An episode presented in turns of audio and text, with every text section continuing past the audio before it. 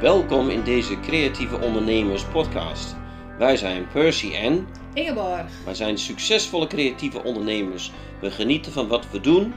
Ingeborg inspireert mensen met haar kunsten en geeft online lessen binnen de online fieldschool en online eco-punten.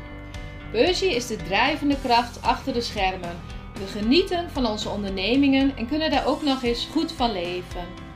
In deze podcast vertellen we over onze ondernemersreis en we hopen jou als creatieveling of kunstenaar te stimuleren om het beste uit jezelf en je onderneming te halen.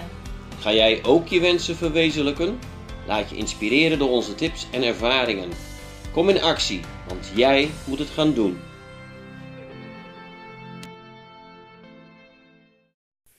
Hey, goedemorgen, daar zijn we weer. En ik ben natuurlijk weer hier samen met Percy. Goedemorgen. Ja, we hebben er weer zin in.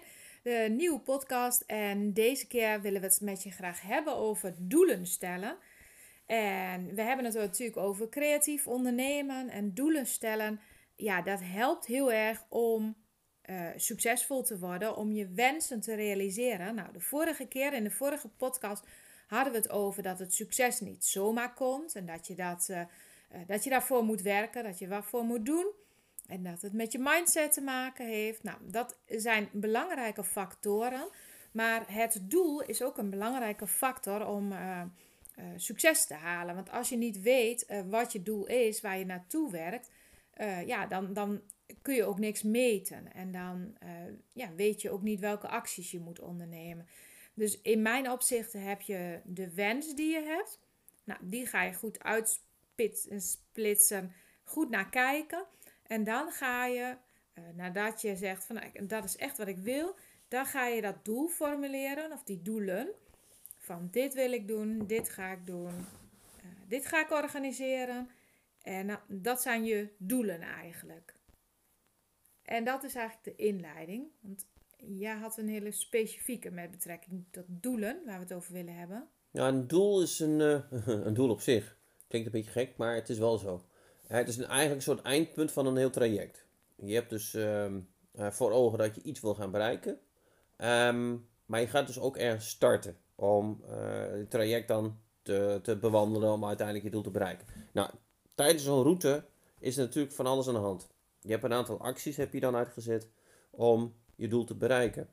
En ehm, eh, je gaat er al een klein beetje vanuit van, hé, hey, met wat ik dus nu heb gedaan, dan ga ik ook mijn doel bereiken. Maar je kan ook wel in de situatie terechtkomen dat eh, je constateert van, hé, hey, dit gaat niet zo goed, ik ga mijn doel niet bereiken. En dan is de vraag van, wat ga ik nu doen?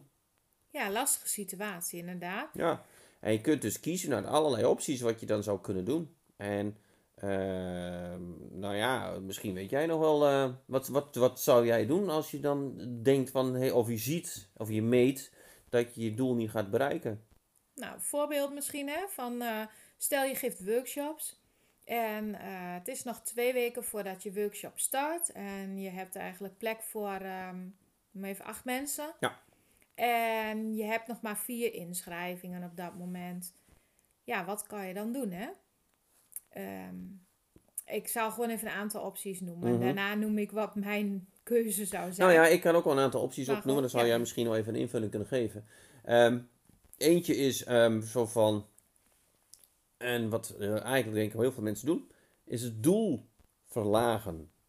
Oké, okay, vier is ook wel. Vier okay. is ook prima. Dus dan, uh, dan is het ook wel oké. Okay. Maar dan geef je dus eigenlijk een beetje een soort van... Ja, downgrading. Een soort van... Uh, minder waard maken van je doel. Uh, want dat is eigenlijk niet datgene wat je wil. Je wil gewoon acht mensen.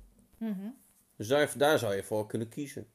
Um, je kunt er ook voor kiezen om het uh, zeg maar helemaal af te blazen. Omdat je denkt van, hé, hey, dat, is, dat is niet de moeite waard. Dus dat ga ik maar niet doen. Nee, dat, daar kies ik niet voor.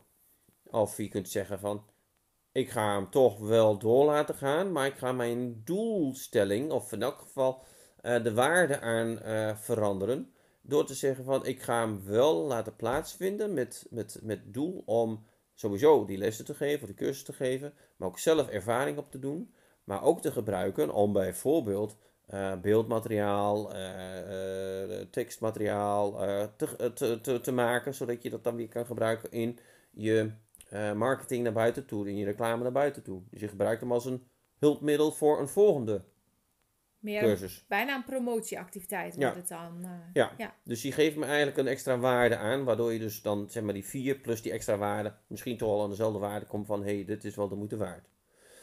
Ehm, maar ik denk eh, datgene wat het misschien het allerbelangrijkste is, als je ziet dat de activiteiten die jij dus nu ehm, aan het doen bent, onvoldoende is om die acht mensen in die cursus te krijgen, dan zou je dus je activiteiten, dus je wervingsactiviteiten, moeten vergroten. Je zult dus veel meer moeten gaan doen.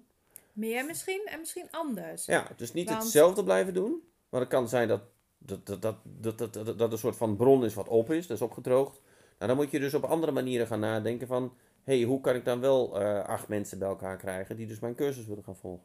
Ja, en die wordt heel interessant natuurlijk, want je had ook nog 14 dagen, hè? Dus 14 dagen is best een behoorlijke tijd om in te schrijven. Ja. Eh, of om mensen te werven. Een van de ervaringen die ik de afgelopen jaren heb, is dat mensen zich ook heel vaak pas op het laatste moment inschrijven. En dat sommige mensen misschien denken, ja, dat is pas over 14 dagen. Ik weet niet of ik er dan zin in heb. Ik weet niet of het weer dan mooi is of niet mooi is. Ehm, ik weet niet zeker of, ehm, nou, wat kan er meer? Of, of iemand anders nog mee wil of zo. Dus er kunnen allerlei argumenten zijn waarom mensen zich nog niet hebben ingeschreven. Of ze zijn het nog vergeten. Ze hebben het één keer gezien. Waren van plan zich in te schrijven, maar zijn het even vergeten om het te doen. Dus het kan heel goed zijn dat er nog wel tien mensen aan het twijfelen zijn of ze wel of niet mee willen doen. Dus als jij dan twee weken van tevoren al stopt met überhaupt acties ondernemen, eh, ja, dan is dat natuurlijk heel erg jammer van die kansen. Ja. Dus dat kan je doen, hè? dezelfde acties nog een keer, een herinneringsmail. Ehm, wij doen dat ook vaak met eh, activiteiten, online bijvoorbeeld ook. Dat we dan de laatste dag nog sturen van nog eh, 12 uur. En daarna nog een keer nog 3 uur. En dan zijn er toch nog heel veel mensen die die laatste dag inschrijven. Omdat mensen soms toch even net die, eh, dat kleine setje nodig hebben, dat ze twijfelen. En eigenlijk weten ze wel dat ze het willen. Maar eh, toch ergens is er een twijfel of een soort van uitstelgedrag. En op het moment dat je net even die deadline zet, dan kunnen mensen voor zichzelf soms die keuze wel maken. Oké, ik ga het nu doen. Eh, dus dat is een goede.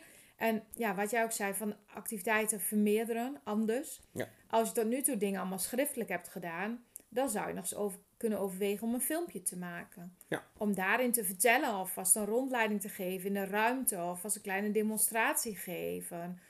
Eh, ja, het beste wat je kan doen is gewoon gaan zitten en brainstormen.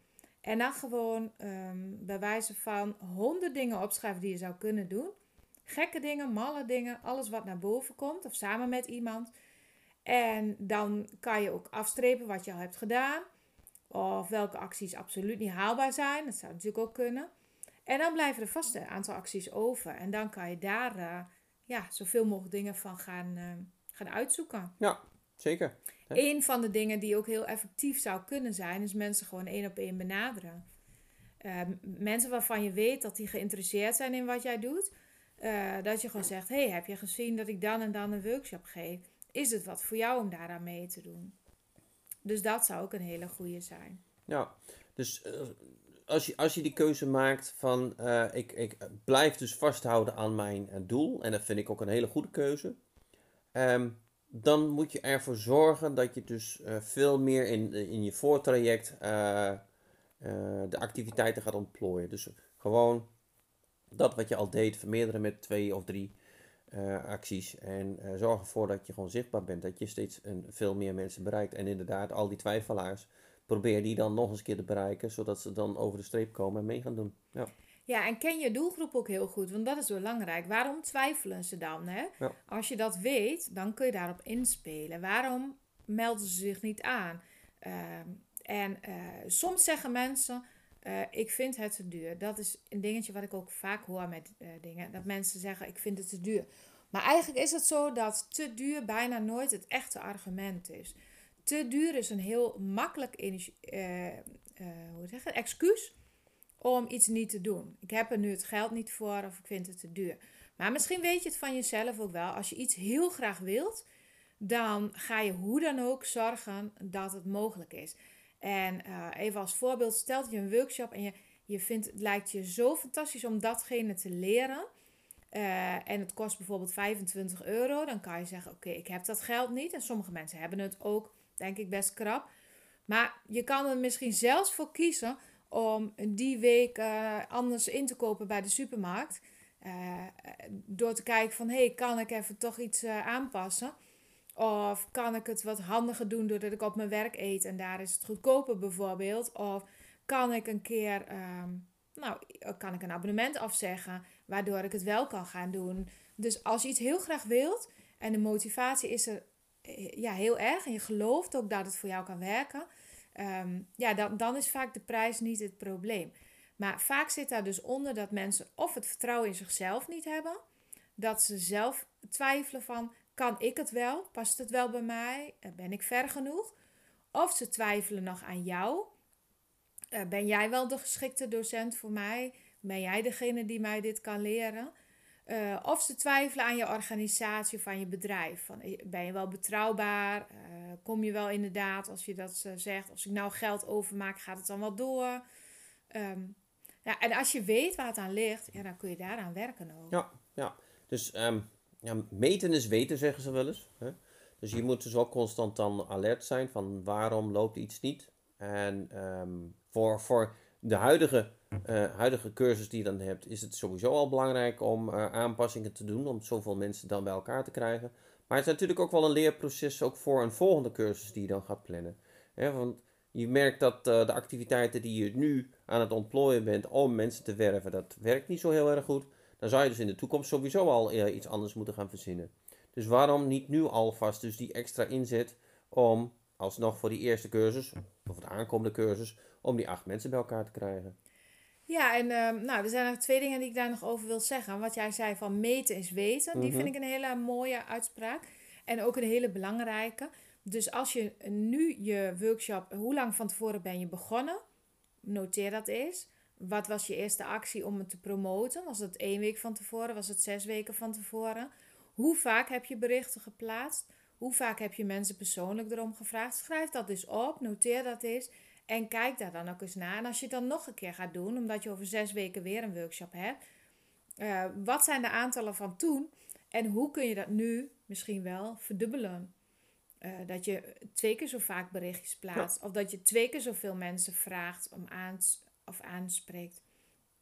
Dus ik denk dat, dat dat een hele mooie is van dat meten. Zeker. Meten is weten en meten geeft je mogelijkheden om nou, je activiteiten te verdubbelen. Of nou ja, zoals je al zegt, van als je dan uh, weet van uh, waar je uh, het best op scoort, dat je mensen bereikt voor je cursussen. Nou, dat is eigenlijk maar een, een, een simpele handeling voor de volgende keer. Is om die acht mensen te bereiken waarschijnlijk wel wat makkelijker. En dan maakt het zelfs nog makkelijk om te zeggen, weet je wat, ik ga dus twee cursussen op die dag doen, want ik weet dus nu heel, heel makkelijk hoe ik dan mensen moet bereiken. Dus dan kan ik misschien wel 16 mensen op een dag van de cursus geven. Ja, stel dat je bijvoorbeeld van de aanmeldingen van de vier, dat er twee mensen gekomen zijn uit het persoonlijk bericht wat je die Mhm. mensen gestuurd hebt. En je had twintig mensen een persoonlijke bericht gestuurd. Dan is het uh, misschien wel zo dat als je de veertig een persoonlijk bericht stuurt, dat er vier mensen Ja. uitkomen. Dus dat uh, zijn echt belangrijke gegevens om te weten en om ook uh, bij te gaan houden voor jezelf. Ja, en, en je activiteiten dan te verhogen. Hè? Want je zegt het al, van dan ga je dus veel meer mensen aanschrijven van doe eens mee. Ja. Ja, niet zo plat natuurlijk, maar ik snap wat je bedoelt. Ja, zo zou ik het niet zeggen Nou in ja, de tekst. nee. Ik zou eerst vragen, hoe gaat het met je? Nee, maar het En, gaat... eh, je snapt wat Ja, ik bedoel. Ja. ja. Ja. Dus dat is een belangrijke. En er was nog een punt. Wat wou ik nou nog meer zeggen daarover? Van meten is weten. Ja, nee, ja dat. Ja? En een andere, die heb ik van de wet van aantrekking. Dat vind ik ook een mooi principe. Dat je je doelstelling eigenlijk zo aanpast dat het voor jezelf eh, haalbaar is. En dat je heel erg een verlangen hebt om iets te bereiken, maar dat je er ook weer niet te veel aan gebonden bent, zeg maar. Dus dat je zegt van, nou, ik wil een, eh, workshop geven en daarmee wil ik eh, zoveel als mogelijk mensen bereiken. En het moet een, een fijne, prettige workshop zijn en daar ga ik vooral voor. En ik doe het om ervaring op te doen bijvoorbeeld. En je zegt, en het zou mooi zijn als er acht mensen in zitten. Maar dat als er zes zijn, dat je dan niet zwaar teleurgesteld bent. Maar dat je gewoon dan ook gewoon zegt, nou oké, mijn doel. Ik wil zoveel mogelijk mensen bereiken. Nou, op dit moment is dit waarschijnlijk het hoogst haalbare. En daar ga ik dan gewoon voor. En dat je dat ook gewoon ehm, ja, met heel veel plezier doet. En dat die mensen dan ook alle aandacht van je krijgen. Want dat gaat alleen maar zorgen dat de volgende waarschijnlijk nog meer succesvol is. Ja, nou succes hè, dat hebben we in de vorige podcast ook behandeld. Het is niet iets wat dan gelijk ehm, ja, uh, zich manifesteert. Je zult er wel even een lange adem moeten hebben. Uh, en misschien wel in stapjes, als je dan kijkt naar cursussen. Uh, of de eerste cursus, dan, dan heb je dus een bepaald hoeveelheid aantal deelnemers bereikt. En je hebt heel veel ervaring gedaan onderweg bij het werven van de mensen. Nou, dat is, dat is, ik noem dat eigenlijk een soort van eerste stap naar je volgende succesverhaal. Mm En dat, dat, als je dat elke keer weer meeneemt, dan kan je er gewoon ervoor zorgen dat uh, je cursussen dan redelijk vol gaan zitten. Ja, dat denk ik wel. En het uh, gaat elkaar dan op een gegeven moment misschien ook aanzeggen, hè? Ja, ja. Dus um, um, het is niet erg als in het begin je denkt van... hé, hey, uh, dit gaat niet zoals ik had bedoeld. het is wel erg als je dan zoiets hebt van... ik stop ermee en ik doe er niet zoveel meer aan.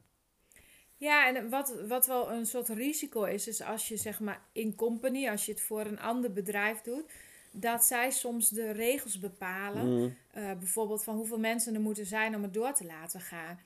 En aan de ene kant snap ik het wel. Ik heb dat zelf ook wel eens gedaan voor een buurthuis of dat soort dingen. Want uh, ja, zij betalen de docent en zij willen daar toch ook de kosten uit hebben. Maar ja, ergens vind ik het ook heel jammer dat als je zegt van er moeten acht mensen zijn en er zijn gewoon zes aanmeldingen. En dat je met elkaar dan besluit, oké, dit is te weinig. En we zeggen die zes mensen af die dus super enthousiast zijn waarschijnlijk. Dus die uh, mogen niet naar die workshop, omdat er niet toevallig acht zijn. Ja. Um, en als workshop geven, is het ook aan jezelf om daar een actieve rol in te spelen.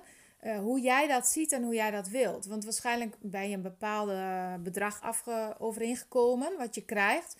En je kunt je voorstellen, zo'n organisatie is daar ook van afhankelijk. Dus stel, even een simpel rekensommetje dat jij 150 euro krijgt voor die workshop. En zij vragen 25 euro per persoon. Dus de totale inkomsten voor hun zouden 200 euro zijn. Jij krijgt er 150 van en die 50 hebben zij nodig voor de koffie, de thee en het gebouw, zeg maar. Ja. Dan kun je je voorstellen dat er maar zes mensen zijn, dat zij maar 150 euro inkomsten hebben. Dan moeten ze jou 150 euro betalen. Dus schieten zij daarbij in. En dat kan natuurlijk niet. Dus ehm, vooral als het een stichting of zo is. Dus in dat geval zou je zelf als workshopgever ook iets toe kunnen geven. En dat je zegt, oké, in, in dit geval doe ik het voor 100 euro. Maar het is me gewoon heel veel waard, wat jij net zei. Want ik mhm. leer er gewoon heel veel van. Ja. Dus in die, in, ja, op die manier kan je onderhandelen. En maak het dan wel duidelijk van, nou, dit is voor één of twee keer of zo. Hè? Dat je voor jezelf de grenzen aanstelt. Want ik vind zeker niet dat je onder een bepaald bedrag moet gaan werken als je dat werk ziet, moet je je ook netjes betaald krijgen. Maar dat wil niet zeggen dat je niet een, uh, een soort uh, promotieperiode kunt hebben.